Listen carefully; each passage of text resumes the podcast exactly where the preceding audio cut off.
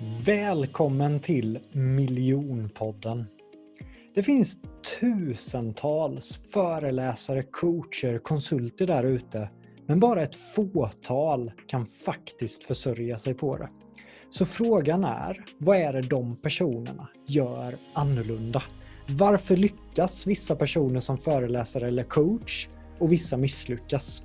Det jag vill beröra i den här podden, det är det affärsmässiga med att vara en föreläsare, coach eller frilansare.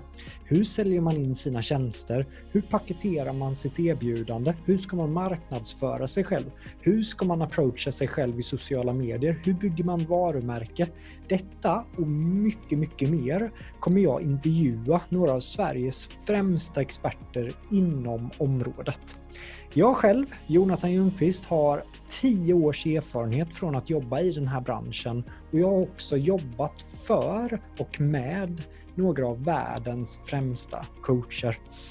Så att jag är så taggad och inspirerad att ge dig som sitter här och lyssnar hemligheterna bakom det affärsmässiga med att lyckas som föreläsare, coach eller frilansare.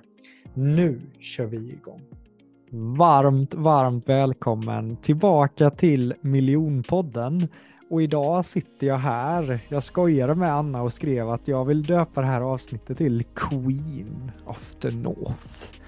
Alltså en person som har hållit sig i den absoluta toppen som föreläsare under så, så många år. Och hon har en energi där hon kan ju kliva in i en lokal och utan att säga någonting få andra att börja le och, och skratta. Anna är en mycket god vän till mig som jag inspirerats väldigt, väldigt mycket av, som är väldigt, väldigt generös också. Jag har tagit in henne som gästföreläsare i mina grupper. Hon är en del av vårt community och hon är väldigt generös med all sin kunskap och, och all den kunskapen kände jag verkligen att den vill jag ju suga ur Anna idag och ge till dig som, som lyssnar. Mitt löfte är att du kommer få säkerligen flera skratt, många insikter och eh, väldigt mycket inspiration och konkreta verktyg i hur du kan lyckas som föreläsare, coach, frilansare, konsult. Varmt, varmt välkommen Anna! Tack så mycket Jonathan! Hur kändes det introt? Ja, men det kändes bra. Jag kände, jag kände, blev nästan lite sådär generad. Man bara, nej men sluta nu och så, jo lite mer. alltså Anna, om det finns ett ord som jag har lärt mig av dig som jag, alltså jag älskar det ordet och varje gång jag säger det så blir folk, du, det där snor jag av dig och då säger jag, ja men bara så du vet, det är inte mitt ord, jag har lärt mig det från Anna. Vilket ord tror du att det är? Va? Vad kan det vara? Ja, Oj! Ska vi fara någonstans? Nej, jag vet inte. Ingen aning. avundglad. Ja, ja, ja, men den är bra. Jag, tycker tror det- inte, jag tror att det finns någon annan före mig som kanske har kommit på det. Jag vet också, jag har hört avundfrisk, brukar, eftersom man säger avundsjuk. Men jag tycker avundglad låter bättre. Alltså jag tycker det är ett fantastiskt ord istället för att säga att åh gud vad avundsjuk jag blir på dig. Men när jag säger, alltså jag blir så himla avundglad och så ler jag, då blir folk glada och Mm. ja, det är som en, en helt annan energi än att använda ordet sjuk. Ja. Avundsjuk. Ja, men, och, och det är ju så, för jag menar avundsjuka är ju jättefarligt. Jag menar, Mm. det är väl all form av eh, grund till krig och missundsamhet och så. Så att ibland, visst, nog kan jag också vara avundsjuk ibland, så är det. Men mestadels så handlar det om att bli avundglad.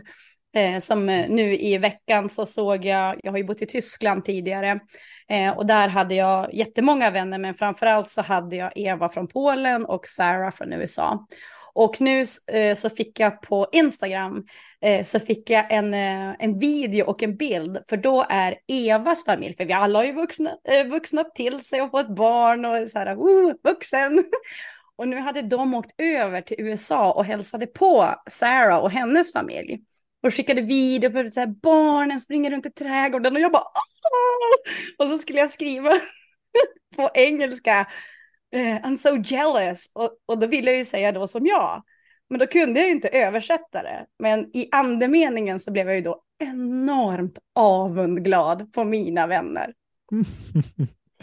Ja, jag, eh, ja, fantastiskt. Jag snackade med Emil Grabov här i, för några dagar sedan och han är... Underbar! Han är på, ja, han är helt fantastisk. Han är på Öland och så skickade jag en bild att alltså vilket jävla väder. Det spöregnar här. Det spöregnar nu fortfarande. Och det, just ja. när jag skrev till honom var det helt svarta moln ute och det var lite så här början av november-vibe. Och så ja. skickade jag så här, hur, hur sjutton är det på Öland? För jag visste att han skulle tälta så jag bara stackan. Och ja. så skickade han en bild på blå himmel, sol och jag bara, nej men, va? Har du sommar? Och sen bara kände jag så här, ah, vad avunglad jag blir. Gött ja. för dig Emil att du kan njuta där med din familj och jag sitter här i rusket. Men, men jag vill inte bli avundsjuk, jag vill bli avunglad. Nej. Kul ja. för dig. Ja, ja, men det är mer avundglada i världen, då, då blir det bättre helt enkelt, tänker jag. Ja, sen har jag ett favoritminne med dig Anna. Vi kommer säkert ha massa nya minnen framöver, men jag har ett favoritminne. Vilket, vilket minne tror du att det är? Ja, det måste vara. Jag hoppas att det är när jag kom eh, ner första gången och så, sen så skulle jag få bo med er och så sitter vi i den, för då bodde ni ju tvärs över där ni bor nu. Ja. Eh, I den här lilla altan, inte inglasningen och vi sitter där och skrattar och Adam Stumle går på och ska berätta vad han känner av att han och jag möttes, för det var ju matchmaking heaven. Jag kallar ju han, det, alltså jag, det måste vara det jag menar, för jag skrattade så mycket så att jag hade kramp i magen. Alla skrattade och till slut vi bara sluta Adam, du måste sluta nu. Jag tänker att det, det kanske är det minnet. Det var verkligen det minnet, för det var verkligen ja, men symbolen av en glädjefull kväll och jag var ändå, jag hade precis lämnat David, eh, Bambi på hal is, skulle göra en e miljonkursen då själv, mm. alltså för, bland de första gångerna så, som du gick där, så jag var ju ändå rätt nervös och kände press för det. Speciellt när personer som du, Jesper, Thomas, mm. Ola, Alexandra, det var så många proffs som anmälde sig till min andra miljonkurs. Så just att få mm. sitta och skratta med er den kvällen avdramatiserade allting och jag kände jag kunde mm. gå in i den kursen med mycket mer lekfull energi. Ja, ja nej, men det var en, det var en magisk kväll. Eh, ja, jag skrattade nog så fruktansvärt alltså. Så ja. jag tror också att det satte stämningen. Eh, nu var ju inte alla där på plats, men som du säger, man tar ju ofta med sig en energi in i nästa sak. Så att mm. eh, ja, när jag minns det med en enorm glädje, hela den, eh, hela den kursen och de dagarna. Det var fantastiskt. Ja, men tack för att du var med där Anna. Jag skryter ju om dig hela tiden att Anna Ricknell har gått min kurs säger jag. Ja. Och jag körde längst av alla människor i hela världen, så känns det. Just det, du tog bilen. Jag kunde inte, jag kunde inte fixa inget flyg. Det fanns ah, ju fasiken inget flyg. Jag, satt ju och, jag körde 13 timmar enkel väg. Själv. Just det. Mycket, det, mycket... det där är gediget. Det är du och Mikael Linnord. Han körde ju ner för nätverksträffen som du tyvärr inte kunde. Alla saknade dig ju där på, på Hooks herrgård. Men Mikael ja. körde ju också ner långt upp i, i Sverige. Han sa aldrig mer. Nej, Nej jag kände också det. Inte, inte köra så där långt. Det var, mm. det var lite tufft. Men det var värt det. För din skull. Tack Anna. Vad är, vad är du mest stolt över med din karriär som föreläsare? Är det att du har blivit utsedd topp 100 fem år i rad eller är det dina föreläsningar eller vad är du mest stolt över med, med din karriär? Jag skulle nog säga att, att jag kan leva på det här eh, och, och den friheten som det kommer med. Eh, att känna det att, att jag kan prata om någonting som jag tycker är intressant och roligt. Alltså det är en ynnest. Eh, och som min man brukar säga då, han är en introvert och jag är extrovert. och då brukade han säga där i början att ja men det är ju bra att du börjar få betalt för alla de där orden som bara blir och smattrar ur din mun. oh, eh, och, och än idag så kan jag ju få den frågan, får du den frågan Jonathan, det här att men Hanna, alltså gör du bara det här eller alltså har du något till jobb? och jag tar det aldrig som en förolämpning, utan jag tar det som en enorm komplimang. För då får ju jag säga, nej, jag gör bara det här. Och jag lever gott på det. Liksom jag, jag behöver inte ha enormt mycket pengar, men bara det att jag kan prata, precis som du, jag kan prata om det jag brinner för och jag kan tjäna pengar på det och det är mitt jobb. Det är jag absolut mest stolt över. För det är i sin tid, alltså allting idag, tror jag, när man frågar vad, vad människor värdesätter i sina jobb, eller vad du vill förhandla, alltså löneförhandlingar. Jag hade ju för, eh, eh, vad var det nu, fackförbundet Vision, så hade jag en föreläsning för ungefär tusen pers och så här, så löneförhandlar du. Eh, och då ser man ju också på de här listorna att lönen, jag tror att den kommer typ på är sjunde plats eller något sånt. Och oftast högst upp så kommer att kunna eh, bestämma över sitt eget jobb, att kunna utvecklas och framförallt frihet, till exempel ha mer semester eller kanske dra ner lite grann, att de vill jobba 80 procent för att man vill vara med sina barn eller kanske ägna sig åt ett fritidsintresse. Eh, och det får ju jag och har haft så otroligt länge i mitt jobb. Och det är jag mest stolt över. Hur långt sommarlov plockar du ut den här sommaren? Långt! eh, när barnen fick sommarlov, då fick mamma sommarlov. Jag hade något, då var det någon som sa så här, jag bara, ja men jag har lite sådär, jag ska göra bokföring och sånt där. Det är det enda som jag tycker är tråkigt. Eh, annars tycker jag allt annat är kul. Men jag brukar säga det att när jag har haft sista föreläsningen, för det är ändå det, det vet ju du också, det är ofta då det är liksom mest arbete, mest förberedelse, att göra det sen efter bearbetningen och så vidare. Eh, sen att jobba lite grann, ja men som nu, den här sommaren har ju varit som en jojo. Så mm. när det har varit riktigt dåligt väder, ja men då kan jag sätta mig och jobba. Men mm. i, min, min värld och liksom sådär utåt sett så har jag haft kanske, jag kommer ha ungefär tio veckor har jag nog haft.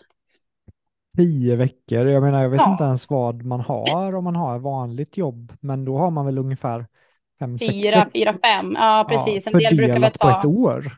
Ja, eh, och då är jag ju ledig sen också väldigt mycket under vinter, alltså julen där. Jul och ja. nyår brukar jag inte heller jobba så mycket, utan då är jag ledig, då far vi till fjällen. Hade du kunnat tänka dig där om du hade haft ett annat jobb att 07 ska du stämpla in? Sen ska du stämpla ut 16.30 och sen är det någon ja. som säger åt dig att jag vet att dina barn tar semester här, men du får en månad senare för du måste göra det här. Hur har ja. du känt med det? Och gå tillbaka? Nej, jag hade inte känt med det. Eh, och jag vill bara säga det till alla mina vänner, för menar, nästan alla mina vänner, förutom de som jag lärt känna som dig och det här communityt, när man har andra föreläsningsvänner. Jag har ju fått jättemånga där, men mina vanliga vänner som inte jobbar med det jag jobbar, jag tycker att de gör det helt fantastiskt eftersom ofta måste man ju pussla. Jaha, mm. nu får du ta två veckor så barnen inte måste vara på fritids. Det där är ju jättebökigt många gånger. Plus att det blir ofta väldigt lite tid för hela familjen. Mm. Eh, och det är ju också en sån sak som jag värdesätter otroligt mycket i, i mitt jobb. Att eh, än en gång den här friheten att eh, det väldigt lätt för mig att bestämma hur jag vill, hur jag vill göra, hur jag vill fördela min tid. Mm. Eh, och jag kommer ihåg, eh, nu är det ju över tolv år sedan, jag kan inte fatta att det har, att det har gått så snabbt. Men tolv år sedan, sedan jag startade mitt bolag och jag hade ju en fantastisk kvinna, Gunilla heter hon, eh, som var, vad ska man säga, min affärsängelstöd när jag kom då till Nyföretagarcentrum, fast på den tiden hette det Start här uppe i Skellefteå där jag bor. Eh, och då säger hon också i den här processen att bara så du vet Anna, once you go egen, you never wanna go back. och det är så himla sant. För tänk dig själv Jonathan, skulle du vilja ha det du sa just till mig? Nej men alltså jag, jag hade mått fysiskt dåligt, för, för ja. jag har ju haft det så mycket ja. med att ja, men du ja. måste komma in hit, telefonen ringer bara, vart är du? Nej, jag kommer om två minuter. Eh, jag Åh, menar, usch! Nej, men eh, det, det, är också tur och jag tänkt att inte hela samhället är som oss, Anna, för då hade ju inte riktigt... Ja, det går ju inte. Nej, Då skulle det ju inte Och jag tror många, jag menar man kollar, mm, det kan jag väl bli lite irriterad av när folk tänker att ah, men du slappar, du har det så slappt. Och, och så tänker jag på min dag igår, det är en helt vanlig dag. Klockan 10 till 12 intervjuar jag Niklas Aronsson. Och en podcast, även om folk tror att ja, men du sitter bara och intervjuar, det ska förberedas, folk ska ha info, eh, jag är preppad, jag har fullt fokus, det, det tar rätt mycket energi. Mm. På lunchen ringde jag och pitchade en grej till, till Max som, som jag egentligen inte hade tänkt, men jag, jag blev så taggad på att pitcha in det här så jag tänkte att jag pitchar tusen procent och då har jag i alla fall gjort det jag ska. Sen om han säger nej, då är det så. Men det tog 45 mm. minuter, en genomkörare. Han sa ja, så att jag tog en, nästan en champagne igår kväll. Om du lyssnar på det här Max. Sen efter det var det dags för nästa intervju, två timmar intervju med Sofia. Då hade jag ju också preppat det. Jag hade haft Max, jag hade haft Niklas. Och mm. efter det samtalet, en minut efter samtalet, ringer Fredrik.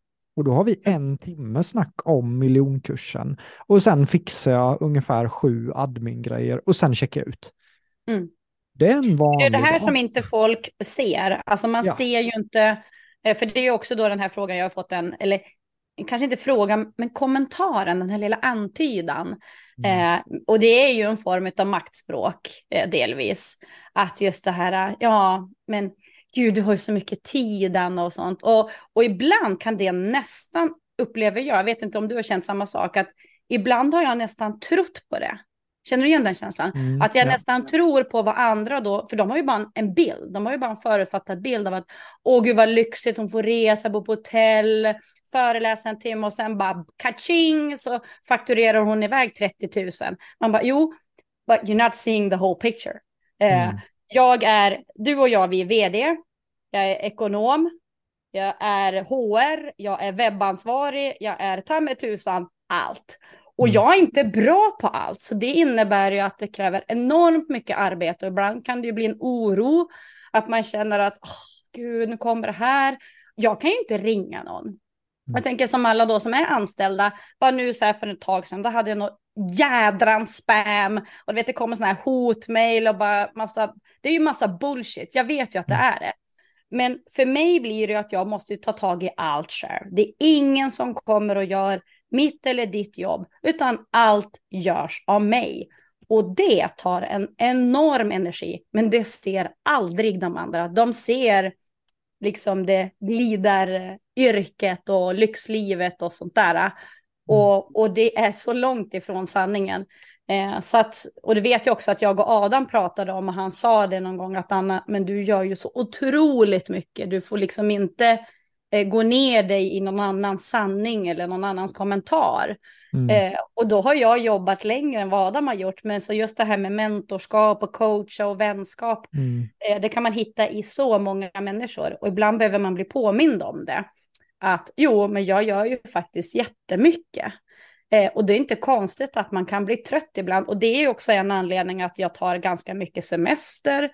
Eh, jag brukar säga det att jag har ju en superkraft i att jag är jättelat när jag kan. Och jag tror att det här har att göra med min bakgrund som elitsimmare. Att, vad var jag?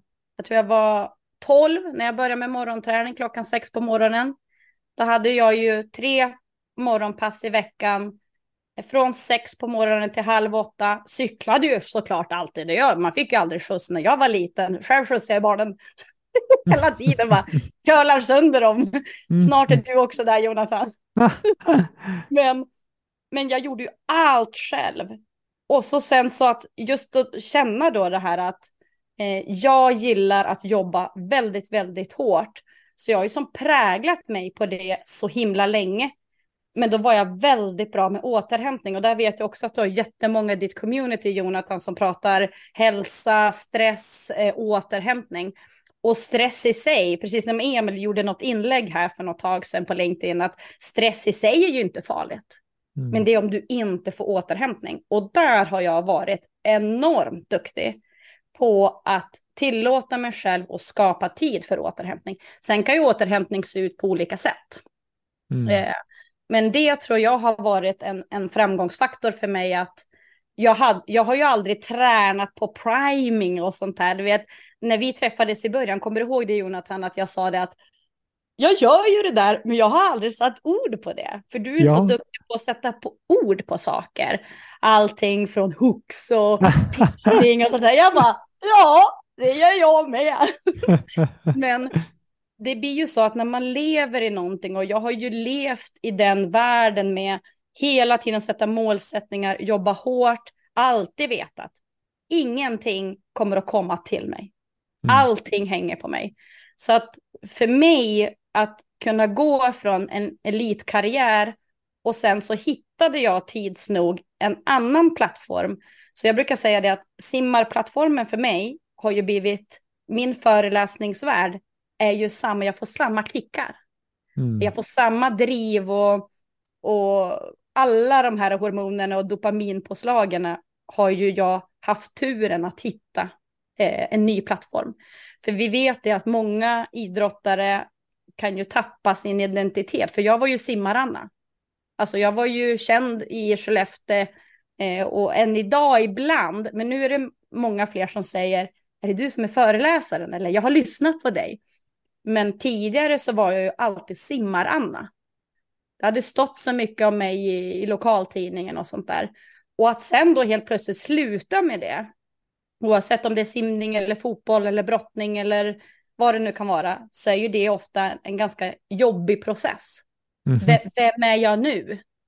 Eh, vem ska jag vara nu om jag inte simmar Anna och, och, och skördar framgångar var ofta så här, Anna skördar framgångar i USA. Nu flyttar Anna till Tyskland för fortsatt framgång. Och det är ju klart att det blir ju en press. Mm. Eh, men jag levde ju liksom i det och tänkte aldrig att det här blir lärdomar. Det tycker mm. jag är lite skönt med att vara ung, att det är ju inte alltid att man förstår att sen kan det komprimeras i en kunskap som blir värdefull för andra. Eh, och att ge. Så det, det är ju en gåva. Jag tycker att ens egna jag brukar, Ja, jag brukar se ett samband där. Tycker du att eh, ja, men många före detta idrottare blir ofta om de idrottarna lär sig återhämta, för de har också en tendens att köra på så hårt att de går in i väggen, men, men ofta har framgångsrika föreläsare och coacher någon form av bakgrund inom idrott, inte alla, men, men många som jag har jobbat med har det. Mm. Och, och, jag personligen har ju det också. Och mm. jag tycker det finns många likheter med det här. Man går på träning några gånger i veckan för att sen köra match det är disciplin, man tar hand om sig själv, man återhämtar, man utvärderas hela tiden. Så att jag tyckte verkligen att idrottslivet påminner mycket om det här livet. Mm. Jättemycket vad, känner du skulle jag säga. Ja, mm. exakt så. Jag brukar säga det att den, den skolan, den förberedelsen eller vad man vill kalla det för, eh, banade ju väg för att klara av det här. Mm. För att vara föreläsare är inte för alla. Eh, dels ska man ofta jag brukar säga du, du måste ju våga fronta och våga sälja dig själv. Mm. Um, driva eget gjorde ett reportage om mig för några år sedan uh, med en bild på mig och så stod det uh, Anna tar betalt för sin hjärna. Mm. Uh, och det är ju så att om man tycker det är jobbigt att vara, eh, vad ska man säga, i fronten. Eh, man kan ju gå kurser såklart och liksom lära sig, men det kanske tar tid. Men ofta så har ju en idrottare fått det vad ska jag säga, involverat i den livsstilen. Det är inte därför man gör det, utan det kommer liksom på köpet. Eh, så jag, man måste liksom våga. Våga fronta, våga sälja, våga ta chansen att, att berätta vad man har att erbjuda. Mm. Eh, jag har träffat väldigt många, och det kan ju också vara i andra former av eh, entreprenörskap. Att nej men en del säger, nej men oh, men alltså, jag vill inte sälja, oh, det känns så himla, här kommer jag och kränger. Och då brukar jag säga det, antingen får du lära dig eller så får du anställa någon som kan göra det och som känner sig bekväm med det. För annars så kommer aldrig bolaget att hålla. Och det är ju så, mm. nu har inte jag siffrorna när man tittar på eh, starta eget och sånt där, men det är ju väldigt många som startar men inte kan rida ut hela vägen. Ja. Eh, och det är det ju jättesynd. Verkligen, och där blir det väldigt inspirerande med dig att du har varit i gamet så, så många år och just att du pratar om återhämtning, att du tar hand om dig själv under resans gång. Men jag blir väldigt nyfiken, för tolv år sedan, vart, vart föddes drömmen på riktigt att jag vill bli föreläsare? För jag vet ju att du läste på universitet och alla de här delarna, men vart föddes drömmen att bli föreläsare? Ja, alltså jag har ju en liten eh, speciell bakgrund skulle jag säga. Um, jag hade ju haft simningen, som sagt var, det är ju min bas och det har varit min väg att eh, få utforska mig själv, utveckla mig själv, studera och plugga och så. Så att eh, jag hade ju då bott i Tyskland och USA och det var ju biljetten genom simningen. Och så sen under hela tiden så hade jag tyckt det var intressant med retorik och jag fick ju min examen sen till slut eh, via Uppsala universitet, men det var också för att jag hade pluggat och hade kommunikation som mitt major när jag bodde i USA. Och eh, när jag var klar med det så var det ju inte så att man gick in på AMS och bara retoriker, sök. Mm. Det var mm. liksom noll träffar. Eh, och då kom jag ju in på sälj, vilket är ju jättebra att vara säljare om man ska vara retoriker och vice versa, för det är ju konsten att övertyga. Men så jag jobbade på där några år. Men eh, här i Skellefteå då så hade jag en kompis, eller har en kompis, som var med i Rotary. Och eh, Rotary, för de som inte har hört talas om det, det är ju en världsorganisation och i väldigt många städer så har man en Rotary-grupp och man har luncher eller frukostträffar och ofta så bjuder man in ja, föreläsare eller någon som kanske kommer från något bolag, lokalt bolag. Man jobbar väldigt mycket med välgörenhet bland annat. Och eh, hon visste att jag hade ju en examen i retorik. Och på den här tiden så jag brukar säga det att Elaine Eksvärd, som jag vet att du känner väl Jonathan, eh, hon var ju liksom, eh, ja, eh, fröken retorik. Det var, jag brukar säga det, det är Elaine som har satt retorik på kartan. Hon är tågrälsen som vi andra tåg har kunnat svischa fram på. Så vi, vi har alltid haft en väldigt fin kontakt, jag och Elaine. Um, så att man var lite nyfiken på retorik, men fortfarande var det lite så här, mm, retorik, vad är det? det är så här, mm, manipulera och hålla på. Så det hade inte riktigt blivit så eh, populärt eller att folk förstod vad det var. Men Ida tyckte att det var väldigt intressant, hade dubbelexamen från universitetet, så hon sa det. Kan inte du komma Anna på en sån här lunchföreläsning och, och prata lite grann om retorik och kroppsspråk och sånt där? Och jag bara, ja, det var roligt. Och då jobbade jag som säljare på ett, eh, ett bolag så jag går till min vd och så säger jag det, skulle jag kunna få, du vet så här, för då var det lite hej hej herr chef, skulle jag kunna få lite ledigt, lite, lite längre ledigt under lunchen för jag ska, jag ska på Rotary lunch och så vill de att jag ska föreläsa. Han bara, ja, kan du väl göra. och sen kom ju då det här, du vet den här gedigna förberedelsen, vad ska jag säga? Jag hade bara 20 minuter på mig och du känner ju mig Jonathan, jag kan ju prata i evigheter. så jag bara, ah, nu måste jag liksom eh, ta ut det bästa. Vad vill jag, vad har de mest nytta av att lyssna på mig? Så jag kommer dit, levererar mina 20 minuter och eh, om det var ödet eller inte, jag tror att det var menat. Jag har ofta sagt så, jag har alltid haft en, en, en inre röst, brukar jag prata om, som hela tiden sa till mig, men du Anna är ämnad för någonting mycket större. Och jag vet att det kan låta lite så här äh, filled on myself, men det var på riktigt så jag alltid kände. Jag kände ju inte att jag ska jobba här som säljare och sälja den här produkten. Eh, men ibland är det ju så att det måste ta tid. Liksom alla stjärnor och allting ska liksom stand align och så sen så sker det. Och då var det nästan så att jag tänkte att men det är nu det ska ske. För då kommer det fram en man efter föreläsningen.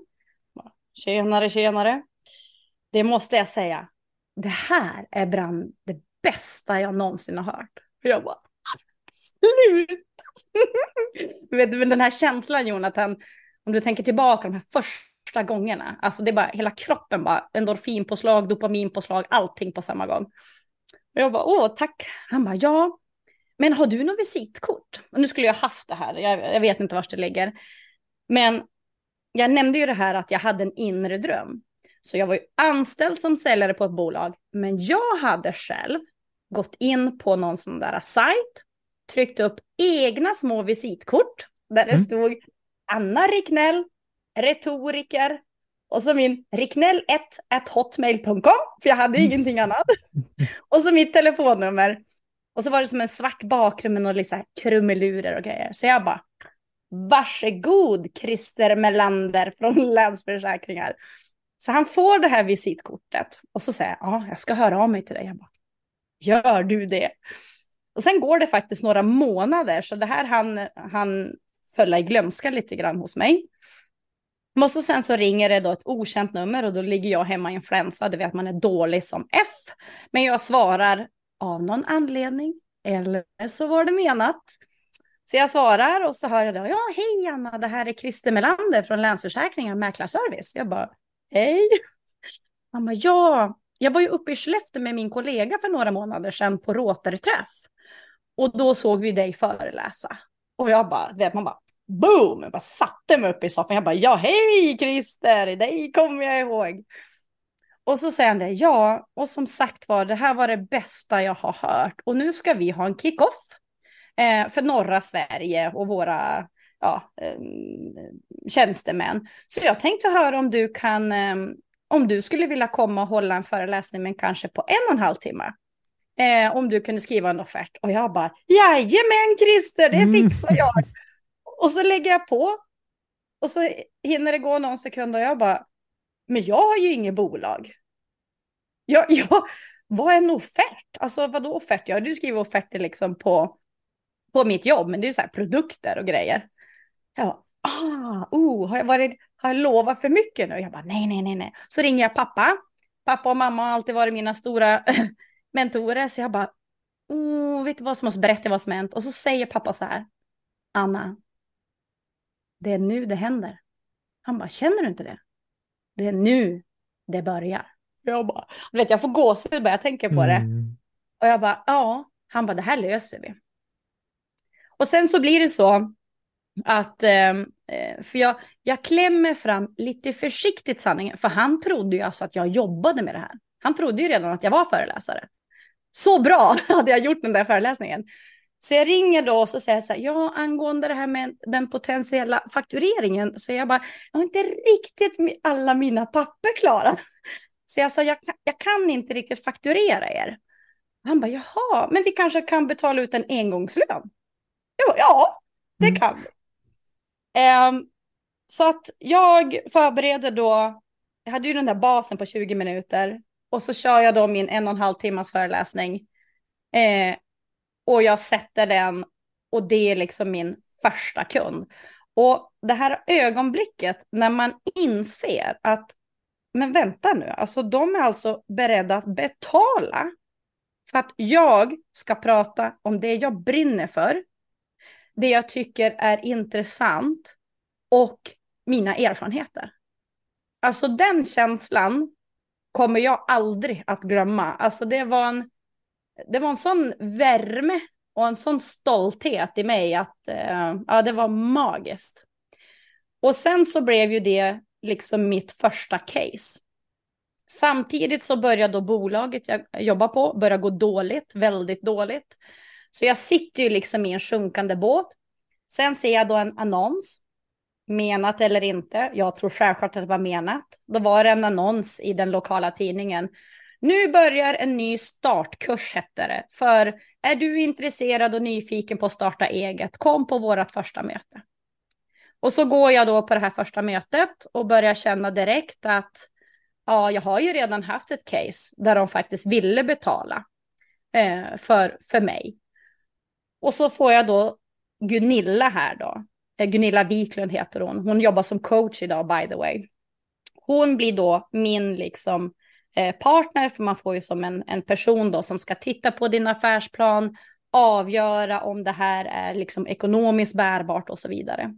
Och då säger Gunilla till mig när jag har förklarat liksom min tanke det, för jag, och det är därför det är så kul att du sa Queen of North, Jonathan, mm. för jag har ju varit väldigt ensam här uppe i norra Sverige. Nästan alla föreläsare bor liksom söder om från Gävle och neråt, men jag är, jag är verkligen ganska ensam här uppe med att jobba med det. Så det var delvis min affärsidé, att jag skulle jobba med bolagen här uppe så man inte behövde flyga upp föreläsare. Och då säger Gunilla att om du startar det här bolaget, Anna, då kommer vi, alltså då Nyföretagarcentrum, vi kommer att bli din första kund. Och så blev det. Så från att vi har suttit att hon har hjälpt mig med affärsplan, så så fort jag hade papperna klart, eh, bolaget var eh, liksom noterat, då köper de en heldagskurs av mig. Så från att man sitter, om du och jag då sitter, det är du som vägleder mig, då vände vi på kakan och då fick jag lära dem det jag kunde. Och det var också då ytterligare det här steget på, jag tror att det handlar mycket om att våga känna sig stolt, eh, våga äga att och förstå att men det här är värdefullt. Det här är ett värde. Och det pratar du också jättemycket om och, och när vi har de här kurserna, att, att förstå att det handlar inte bara om att prata om någonting. Det handlar om att någon annan har nytta av det du säger. Och mm. Elaine har också sagt det här. Det handlar inte om att du ska visa att du är smart. Det handlar om att de andra ska förstå. Så jag har alltid varit väldigt, jag pratar aldrig mycket retoriska termer och slänger med, med stora ord, utan jag tror att jag har blivit väldigt omtyckt för jag är extremt jordnära. Jag har ju ingen, jag har ju ingen, liksom, ingen gräns. Och det tror jag människor uppskattar och känner att det blir äkta. Eh, för jag tycker själv att när personer eh, gör sig till eller försöker för mycket, då backar jag. För mig måste det alltid vara äkta. Eh, jag måste känna att jag kan lita på personen. Eh, och det är ju kopplat till etos, det här med förtroende och känna att jag litar på personen. Eh, och sen så liksom fortsatte min väg så. Så att det var, jag tror att det var menat, men det var verkligen tillfällen på ett sätt mm. som ledde mig till att sen våga förstå att jag har, jag har någonting att, att erbjuda andra. Men det, det handlar ju också om att du, när du fick det här erbjudandet då att hålla en presentation där vid Rotary, att du faktiskt sa ja. Tänk om du hade sagt Exakt. nej där. Ja, och, att våga. Och det är ju som att livet kastar sådana möjligheter på oss, men så många människor säger att jag är inte redo, jag har inte gjort det innan, lalala. Och vem vet vad som händer om man ibland som du säger ja? Vad för mm. dörrar som sen då börjar att öppnas upp? Mm. Men tror inte du att det också då är lite kopplat ibland till att har man en bakgrund som idrottare, alltså hela idrottskarriärer går ut på så många misslyckanden, men också några framgångar. Jag tyckte Sara mm. Sjöström gjorde nu, nu när hon både tog världsrekord och hon tog sina två guld. Och så hade hon gjort ett klipp nu efter. Um, och då skrev hon, först var det en bild på hennes liksom, medalj och hennes world record. Och så sen så hon bara, but this is what it's all about. Och då kom det liksom en video om allt hennes arbete. Alla resor hon gör, det är konstant träning, konstant fokus. Det är misslyckanden som vi inte alltid ser. Och det är samma sak i affärslivet. Att hela tiden tänka att, ja men om vi aldrig, det är ju en klyscha, men det är ju så sant. Om du aldrig försöker så kan du kan ju både misslyckas, men du kan också få framgång. Eh, och det är så himla viktigt att våga. Men mm. ändå liksom vara realistisk. Eh, det, det pratade vi om lite grann här innan, att Ehm, jag tycker att Nils van der Poel sa det så himla bra när han eh, fick, eh, ja det var något av alla priser. Och så sa han så här, om du skulle träffa, eh, eh, vad var det nu, så här, Pelle, tio år, vad skulle du säga till den unga skridskoåkaren? Och alla tänker då att nu kommer han att säga något fint och, och djupt med det här att bara du kämpar så kan du nå alla dina mål. Och han bara, Ja, jag skulle säga att förmodligen kommer du aldrig att lyckas med det här. det var totalt knäpptyst i, i publiken. Och jag tyckte att det var så modigt och så riktigt. För livet är inte alltid så att bara man kämpar så kan man uppnå vad som helst. Det finns de som tror det. Jag tror inte det. Jag tror att det handlar om att vara realistisk, eh, att ha realistiska mål. Tänk till exempel att man vill göra någonting annat. Ensamstående med kanske tre barn, ingen utbildning. Jag skulle inte säga till den personen, jo, släpp ditt jobb, eh, följ dina drömmar så ska du se att eh, allting löser sig. Nej, det finns en timing för allting. Och här kommer kanske då just det här med arbetet in. Vissa saker måste, när jag startade mitt bolag, jag var i en fast relation eh, med min man som hade fast lön jag tror inte att jag hade vågat på samma sätt ta den chansen om inte jag hade ekonomisk bakgrund och visste det att om det skiter sig så kommer ingen annan att drabbas annat än att jag får liksom bara borsta av mig, okej, okay, det gick inte, söka ett nytt jobb.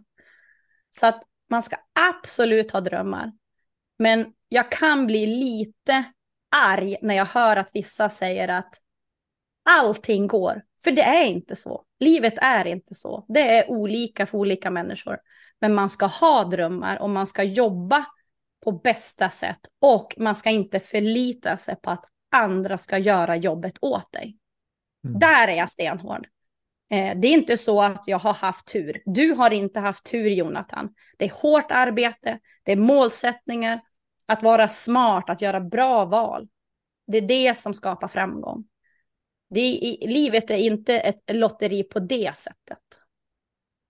Och det tror jag är jätteviktigt att tänka på när man går in i olika slags företagande. Jag tycker mycket benar ut i alltså, decisions, beslut, hur mycket det har påverkat hela karriären. Så här, ska jag säga upp mig från David Phillips eller inte? Jag tar ett beslut och kör. Ska jag säga upp mig från Försvarsmakten? Man tar så många olika beslut som också formar ens väg på samma mm. sätt som du tog ett beslut att hålla den föreläsningen. Du tar ett beslut att ta en chans. Hur mm. tänker du kring när du tar sådana här viktiga beslut? Jag kollar alltid med min omgivning. Jag har ju några nära personer. Eh, jag har ju pratat med dig någon gång också när jag har velat bolla saker. Eh, för eh, även om jag skulle det pratade jag också med Alexandra Engvall om, Melli. Vi pratade också om det här om att många gånger så är det ju så att när man blir föreläsare, då måste man också vara beredd på att det är ganska ensamt. Det är ju så, det är ett ensamt jobb, vi har inga kollegor. Men hittar man då community som du har skapat och för mig till exempel talarföreningen var ju det första jag kom i kontakt med för några år sedan. Det har varit ovärderligt. Mm. Alltså ovärderligt att hitta människor med mer kunskap eller kanske eh, kunskap, Erik till exempel som är så himla duktig på, som har hjälpt dig med, med Kajabi, dina hemsidor, det här, att hitta människor som är väldigt, väldigt bra på någonting som man själv känner att nej, men det här är ju inte min styrka. Liksom. Man ska göra det man är bra på. Det, det är så man, jag, tr jag tror på det. Inte hålla på och harva och ha sig på saker som inte är bra. det, blir, mm. det blir bara grötigt. Men att, att, att omge sig med personer man litar på och, som, och bolla med några. Mm. Att inte kanske bara kolla, jag har ju alltid kollat med mina föräldrar, en sån sak. Alltid fortfarande, jag är 42 år kom, kollar alltid med mamma och pappa vad de tänker. Eh, och så sen har jag då några personer beroende på vad det handlar om. Alltså så är det någonting typ så här, ja men om jag vill prata då om eh, digitala kurser, ja men då har jag ju ringt dig. Då är det ju dig jag har velat prata med. Och är det någonting annat, ja då har jag en annan person. Eh, så att, att våga också tänka det att ensam är inte stark, utan plocka ut dina personer och kolla lite grann innan man tar stora beslut.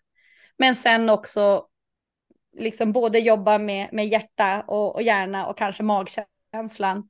Eh, vad tror jag på?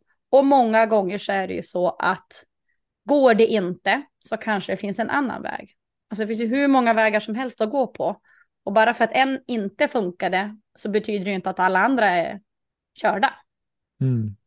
Ja, men jättebra bra reflektioner och, och där med det realistiska är väl du och jag mer lika. Att jag är också att ja, men det här ordet, det här borde vara realistiskt och omsätta. Eller det här borde, så här många avsnitt borde vara realistiskt. De här gästerna borde vara realistiskt. Men om man kollar på Sveriges bäst betalda coach, föreläsare just nu, så är det ju faktiskt Paluasha, alltså på hennes eh, tredje år som föreläsare och coach, gör hon ju nu summor som Nej men alltså hon gjorde ju 6 miljoner på en månad. Ja, Nej, det, det, och, och, hon satt där i, i på Hooks herrgård med, med mig och jag var ju mitt realistiska tänkande att jag borde omsätta. Hon sa, men om du slutar tänka så realistiskt och om du bara tänker, vad, vad vore dröm? Så hon är ju mycket mer, ej realistisk, utan mer go for the moon, verkligen. Och det är Mm. det hon inspirerar andra i, i kurser också. Så hon är ju Mm. ganska emot det realistiska, fick jag en känsla av. Vad, vad känner du med, med det och eh, Palwashas tänk? Jag tänker att en, en kombination eh, är jättebra och sen hur man är som person. Eh, jag menar, med simningen tillbaka, det är den som har format mig. Jag har ju alltid haft, jag hörde någon gång för jättemånga år sedan någon som sa att man ska ha håriga mål. Alltså håriga mål, det är liksom, de är, de är stora. Men sen då ha sina delmål och sånt just för att inte kanske sikta för högt. För faller du, då faller du jävligt hårt, som man brukar säga i Norrland. Eh, och idag när vi har så mycket psykisk ohälsa, vi har också en väldigt, många har väldigt stora ambitioner och det är fantastiskt det hon har lyckats med. Men det är också viktigt att inspireras av de här människorna. Men också tänka det att bara för att några få lyckas, för det här är en promille de som når de här, att inte någonsin tänka jag misslyckades. Mm. Jag är misslyckad. Som sagt var, jag, jobb, jag har jobbat över 12 år och jag träffar ganska många nu som sätter de här väldigt orealistiska målen, vilket kan vara bra för vissa. Jag tror dock att fler personer mår bra av realistiska mål och successivt jobba så att man får glädjas. Alltså det Mm. var ju samma sak inom simning eller vilken idrott som helst. Om man bara säger jag vill vara med i OS, jag vill vinna OS-guld. Det är ju ett jättestort mål. Och då får du aldrig glädjas, utan att sätta upp de där målen och kanske känna det att också, och det är inte farligt att misslyckas. Det är jättemånga som misslyckas, men de pratar inte så mycket om misslyckande. Titta bara på hur sociala medier är uppbyggt. Alltså när det Mm. kom, när influencers kom, det kom ju framför allt för att man vill visa upp framgång. Det är liksom det, vi människor är ju så. Vi vill titta efter alfahonar, alfahanar, alfahennar. Vi, det, vi är programmerade för det. Vi, vi drivs av det. Vi vill följa ledarna. Vi bryr oss inte om misslyckanden. Inte alls på samma sätt. Och det är därför det är en sån pengabank det här att visa upp saker. Men att hela tiden kanske backa och känna jag behöver inte eh, lyckas med det där för att bli lycklig. Jag behöver inte se ut som han eller hon för att bli lycklig. Utan att hela tiden landa i sig själv och tänka vad vill jag? Eh, för jag har också fått en fråga många gånger att ja, men hur mycket, eh, eller jag har ofta fått den här kommentaren. Du Anna skulle kunna omsätta så otroligt mycket mer. Och ibland så landar jag faktiskt i det här att jag lever ett sånt otroligt bra liv. Alltså som vi, som vi pratade om i början. Herregud, jag kan leva på det här. Jag har massor med tid över. Sen vet jag också att visst, jag skulle säkert kunna tjäna dubbla liksom mina omsättningar. Men då vet jag också vilket arbete det kräver. Du har ju gjort ett enormt arbete. David JP Phillips, som också är min vän, har ju gjort ett enormt arbete. Och då måste man ju liksom för sig själv tänka, vad vill jag? Istället för att titta på folk och bli förblindad. Absolut ha idoler. Jag menar, David var ju min första idol, min första mentor som liksom jag, jag hittade han på YouTube. Eh, och då var det den här Death by PowerPoint. Jag bara, oh my god! eh, och det var ju så våran liksom resa och, och, och vänskap och kontakt började. Så att jätte, jättebra att ha idoler och mentorer och se upp till och sträva mot det och bli avunglad på deras Mm. framgång istället för avundsjuk. Det här med missunnsamhet har jag aldrig, alltså jag avskyr det. Alltså svartsjuka och vara avundsjuk Mm. är bland det fulaste jag vet. Eh, för det har jag också fått uppleva väldigt mycket. Jag menar, jag är ju, jag är norrlänning, eh, extrovert, jag är tjej, jag var tjej bland väldigt mycket killar och jag var bäst.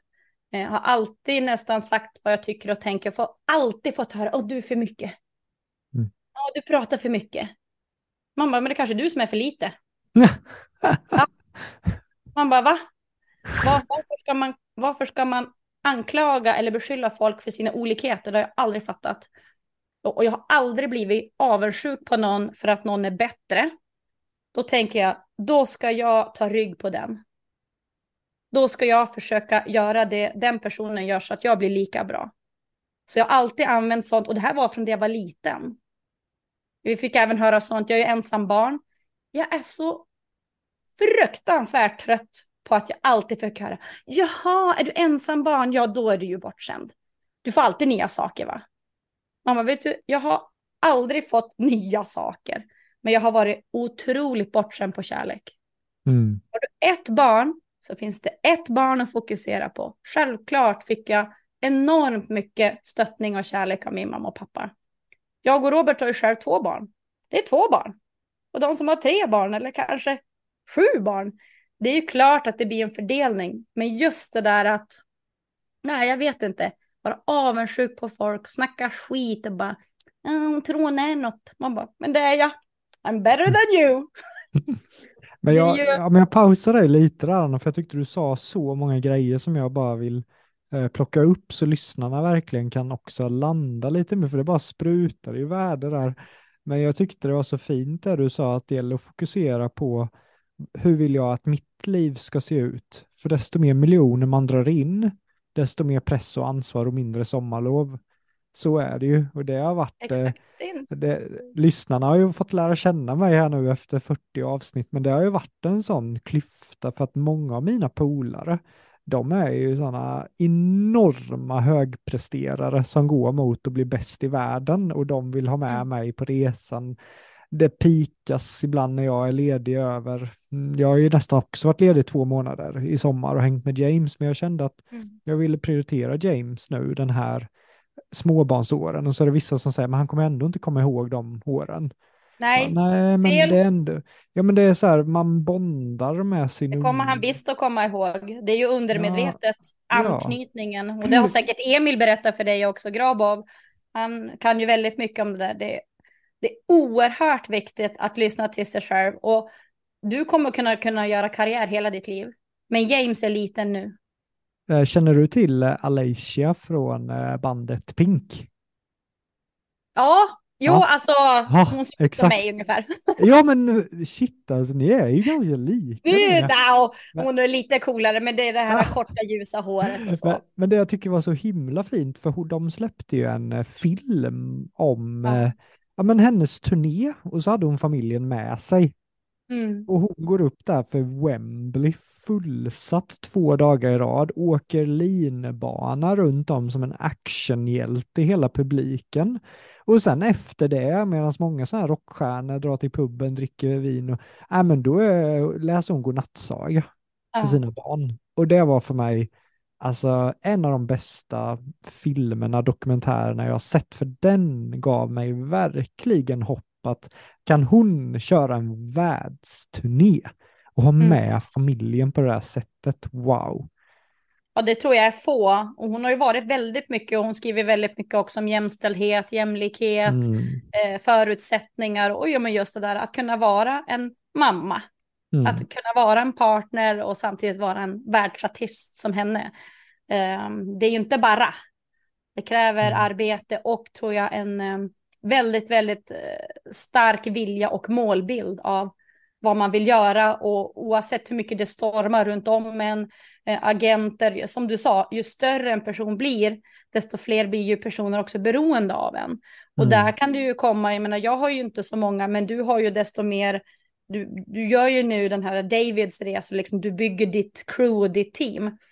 Och där gäller det också att tänka, att stå fast i eh, vad du vill, Amanda, eran familj, den lilla kärnan, dina vänner, utan att känna att man liksom gör någon besviken. Eh, för som Mm. du säger, ju större en person är, desto, titta bara på Avicii, alltså jag tänker många gånger sån här, den här pressen som kan komma på någon, Mm. eh, när väldigt många är beroende av, en, av att en person ska utföra vissa saker. Ja. Och så kanske man, det, det är nog lätt att man tappar bort sig. och där, eh, jag läste precis hans självbiografi, så det är så sjukt att du säger Avicii när jag precis har läst. Jag hade ju sett filmen såklart, men boken, jag ville ta mig tid och, och det var ju verkligen ett praktexempel på, jag menar han, hans manager, jag har full respekt för det var ändå Ash som jag menar, Avicii ville bli bäst i världen och Ash Ja. sa okej, här är reglerna för att bli bäst i världen. Och Mm. eh, ska man bli det så, så är det klart att det kommer med press, stress och ansvar, men Ash löste ju det till slut. Men problemet var väl sen att eh, signalerna när Tim började må dåligt eh, viftades väl bort lite grann. Mm. Och Mm. eh, sen var det ju bara en spiral neråt med mediciner, bara för att kunna prestera, hitta Ja, orka. energin, Mm. orka. Så att eh, väldigt tragiskt, men också ett väldigt vackert budskap till alla entreprenörer tycker jag. Vad Mm. som kan hända om man inte tar hand om sig själv. Exakt. Lyssna, återhämtning. Eh, jag gjorde något inlägg för några år sedan Eh, efter sommaren. Eh, för många är ju då under semestern så är det många som kanske äntligen hinner göra sånt som de älskar och mår bra av. Allting från vara i skogen, naturen, paddla, eh, resa, alltså you name it. Eh, och för mig, jag köpte ju två kajaker för några år sedan när liksom bolaget hade gått väldigt bra och nu tänkte jag nu ska jag unna mig någonting. Eh, och då hade jag ett inlägg då när jag är ute och kajakar och så sa jag det nu när semestern går mot sitt slut och folk ska komma tillbaka till sin vardag.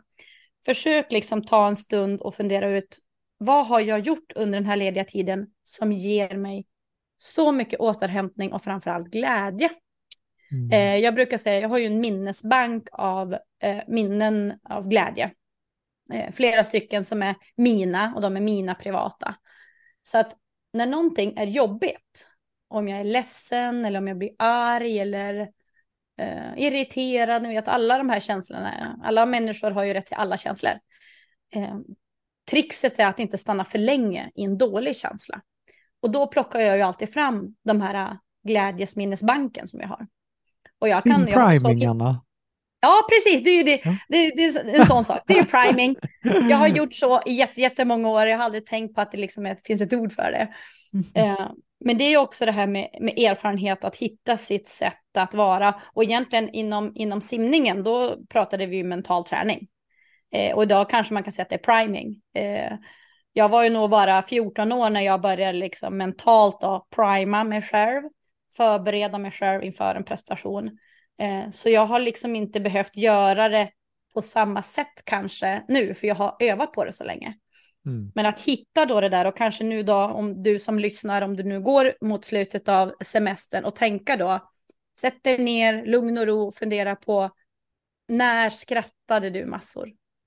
När kände du i magen att åh, alltså jag mår så himla bra nu och jag känner så mycket kärlek. Eh, och se, kan du hitta tillfällen även efter semestern och kanske göra de här sakerna? Mm. Och finns det inte tid för det, eller det kanske är det inte fysiskt omöjligt, eller det går inte för det, det gjorde jag på Bali. Att då använda den här primingen som du säger och som många i ditt community också har fått lära sig när de gick miljonkursen och plocka fram det. För det, det går att styra så fruktansvärt mycket med hela känslan av kroppen, vad du gör här inne.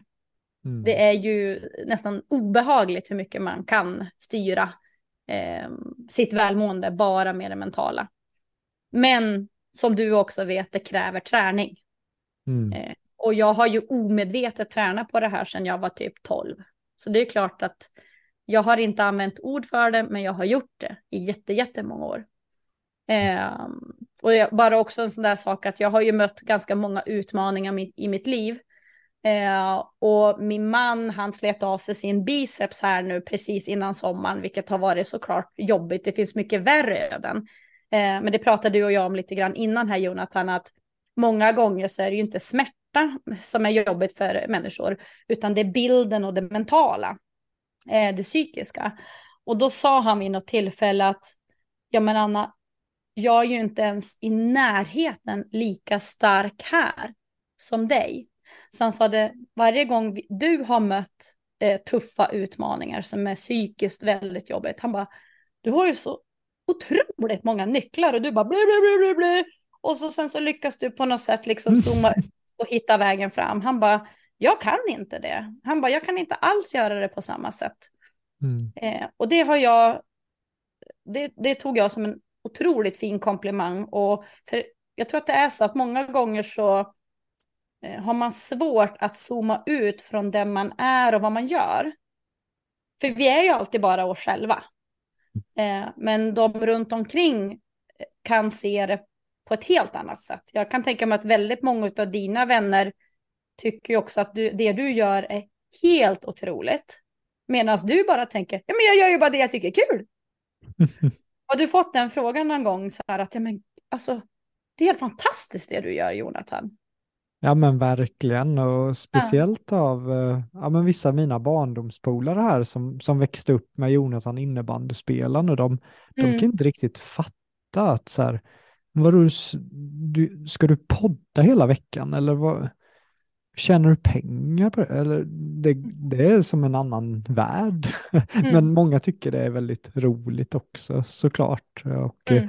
de, de ser ju också vilket hårt jobb det ligger bakom det. Men för mig har det verkligen inte alltid varit jobb utan det är en söndagkväll, jag och Erik, vi hängde häromdagen och vi satte på en tre timmars lång film om hur man bygger en podcast. Och ja, men klockan blev nio natt och vi pushade bara för att det var så kul och vi pratade. Och jag menar, så mycket av det jag gör är ju min hobby och det blir också det svåra då också med ibland att ta sommarlov helt.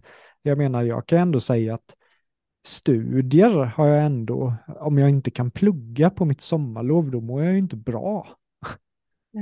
Och, och där är det viktigt att göra det man mår bra av och ja. inte då att de får säga nej men nu får du sluta Jonathan, nu måste Exakt. du vila. Man bara, ja. ja fast jag mår bra av det och då ja. är det bra. Ja, det var ju någon som sa det att ja, men har du verkligen kunnat släppa jobbet nu Jonathan? För de ser ju att jag postar säkert på Instagram och, och grejer. Och då sa jag att, äh, äh, ja men just det, då sa jag faktiskt till min polare Mackan att, ja men tänk dig själv Mackan, hur, hur hade du kunnat leva ett, ett, en månad av ditt liv och inte tänka på friluftsliv och inte tänka på äventyr? Han bara, Gud, vilken bra metafor. Ja, mm. och jag kände att nej, så är det ju för mig med business. Ja. Alltså, det, det, är en del av min DNA. Det, det, är ingenting jag bara kan koppla bort tankarna mm. från och sätta mig och kolla in i ett träd, utan det kommer alltid ändå vara där, känner jag. Mm. Ja, men det är exakt så. Jag brukar säga det eh, brukar säga, jag är ju alltid på arbetsklocka. Mm. Eh, och det betyder att, eh, alltså jag vet inte hur många exempel av kunder och upplägg jag har fått på business av att jag har träffat någon helt privat, det kan vara utomlands. Du vet, jag har ju ingen spärr, så jag kan ju börja hello, hello, mm. where are you from? och så, sen så liksom leder det ena till det andra och jag, jag kan ju alltid sälja, brukar jag säga. Mm. Eh, och jag har ingen rädsla för det och självklart det är att känna av. Eh, som Sandra Stina hade, hade nämnt också tidigare, att känna av liksom hur, hur ska jag närma mig, hur ska jag pitcha som du då också använder. Jag har inte riktigt använt det, men det är ju det jag har gjort. Jag har mm. pitchat hela mitt liv mm. eh, på olika sätt. Eh, och, och att liksom våga äga det och tänka det att, ja men vadå, nu är det jobb igen. Ja men om jag mår bra av det och tycker att det är roligt, då gör det ju ingenting att jag råkar helt plötsligt stå och pitcha eh, på Mallorca, träffa en trevlig person på eh, samma hotell som råkar mm. jobba någonstans. Det är ju liksom bara boom, plocka mm. tillfället.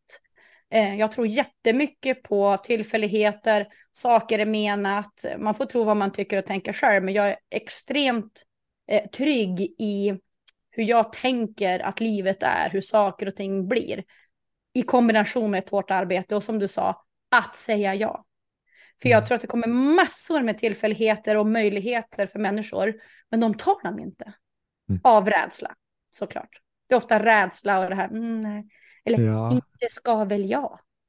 Alltså Shit, den har jag aldrig jag, bott med. Eh, jag fattar ingenting, men kl klockan är halv tolv. Ja, vad hände? bara, har, har, vi, har vi tagit våra grejer? Men grejen är att de flesta av mina avsnitt är ju verkligen ja, men pengar och business och jag tycker det fina med vårt samtal har varit att vi har inte följt, det är därför jag skickar ju bara de där frågorna till folk som verkligen ber om det. Annars gillar jag inte att skicka ut frågor och förbereda gäster för då går de ofta in i, i manus och så. så att, eh, men det fina med idag var att vi, vi svek av till höger och fortsatte på ett annat spår som jag tycker blev väldigt, väldigt viktigt för så många att eh, prata mer om de mjuka värdena också, hur det är och så jag har haft ett jättebra samtal och jag vet att det här kommer ge väldigt mycket värde till andra. Jag skulle bara vilja sno lite coachning av det också om det är okej. Okay. Kör! För jag kan ju, och det har Amanda poängterat också, att jag, om det är någonting jag inte vill skapa hos James så är det det här. Jag vill inte pusha på det jag gör, mitt liv, på honom. Och vi hade en polare här hemma och som satte sig och började läsa i en roman.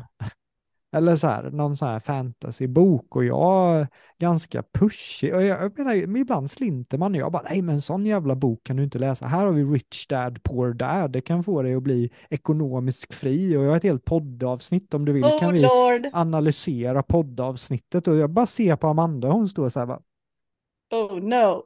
Ja, så att, eh, och hon sa det till mig att Jonathan, vill någon komma till vårt hus och läsa om fantasy, eller då ska inte du komma där och pusha dina businessböcker på dem. Alltså det, du får känna av rummet och jag bara fick verkligen den jag bara oj, håller jag på att bli en sån person nu som inte kan känna av signaler och bara är så inne i business att det är det enda jag vill prata med folk.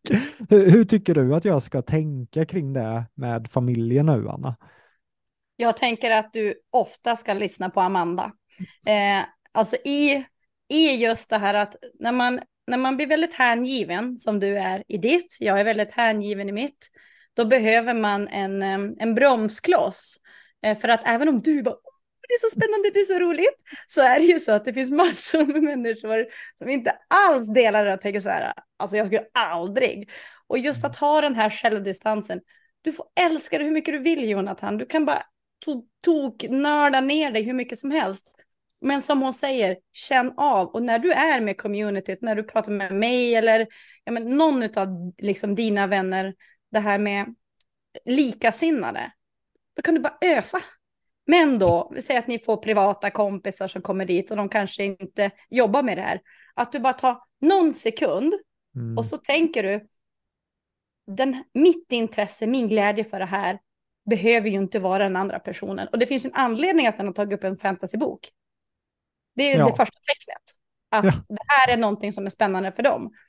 Och att du inte kommer, för kommer du då där, då blir det här, åh nu kommer han, Mr. Viktig alltså, Petter. Jag skäms oh. lite över hela ja. det, för efter att jag hade försökt pusha på Rich Dad Poor Dad, då skulle jag då ta fram yogamattor och så skulle vi köra ett fyspass oh, no. ihop och så skulle vi träna och svettas och sen skulle vi äta That's a no-go. Så du vet, jag håller ju på att bli lite brainwashad. ja, men då kanske du ska träna på just det, att, att hitta, eh, som Amanda sa, att känna känslan i rummet. Jag ja. brukar säga det, att, eh, att vara också en bra en person som har lätt att kommunicera med folk, det är att känna av. Att hela mm. tiden nästan vara som en Sherlock Holmes, känna av vad vill den här personen istället för att du ska prata om dina intressen, att det liksom ska bubbla över. Utan mm. låt dem liksom ha, vill de prata fantasy, då kan du säga, ja det är också, också coolt, berätta. Ja, det, nej, men det får jag helt enkelt träna på. Skärpning helt enkelt, Jonathan. För att jag fick en så här, när Amanda verkligen satte mig ner och, in i ögonen och bara det här var konstigt. Jag bara, jag håller med. Ja, men det är lätt att man blir överväldigad och man vill, som, som jag brukar säga, eh, ja, men jag kan ju också ta över. Jag har blivit enormt mycket bättre för då har jag fått veta om min man Robert som har varit tillsammans med mig i över 23 år.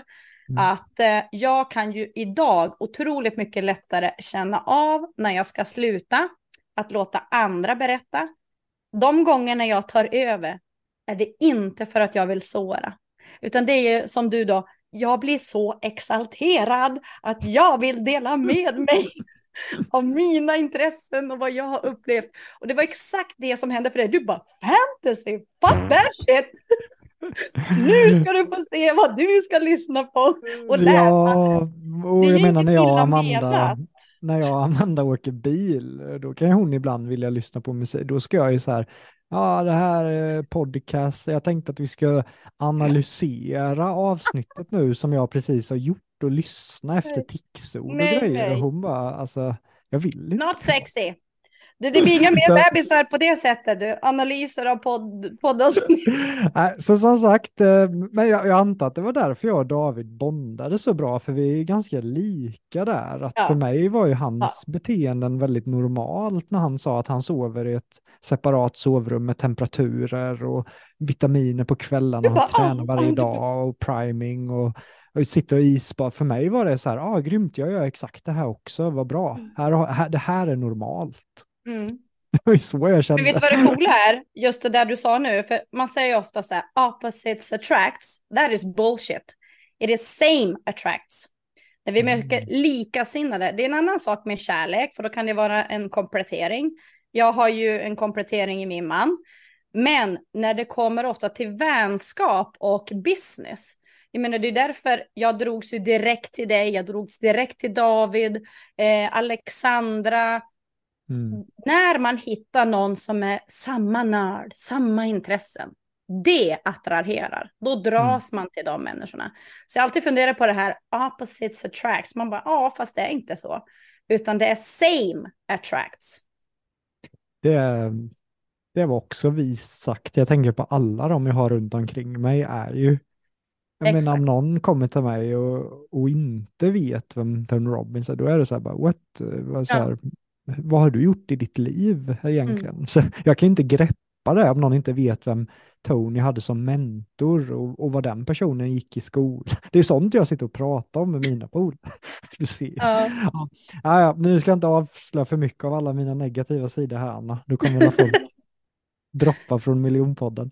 Men Man får bara se alla sidor. I, eh, i snart en och en halv timme här, Anna. Så jag tänker att eh, det här avsnittet, eh, även om det inte blev business, business, business, så måste det inte vara så i miljonpodden, utan idag har vi fått lyssna på din resa, hur du fick ditt första gig med en väldigt fin story och dina värderingar och vad man behöver för att må bra, vilket är, ah, för om vi mår bra så kan vi prestera. Det är därför jag verkligen gillar det här, kommer, avsnittet kommer, kommer komma som en frisk vind verkligen i, i miljonpodden. Har du, har du haft ett bra samtal, Anna? Jag har haft ett mycket bra samtal. Jag kan inte fatta att det har gått en och en halv timme. Det känns löjligt. inte jag heller riktigt. Men så, jag måste ibland kika upp, för det har varit så många gånger jo. nu som, som det går upp mot två timmar så får jag kritik för att det är för långt eller alla.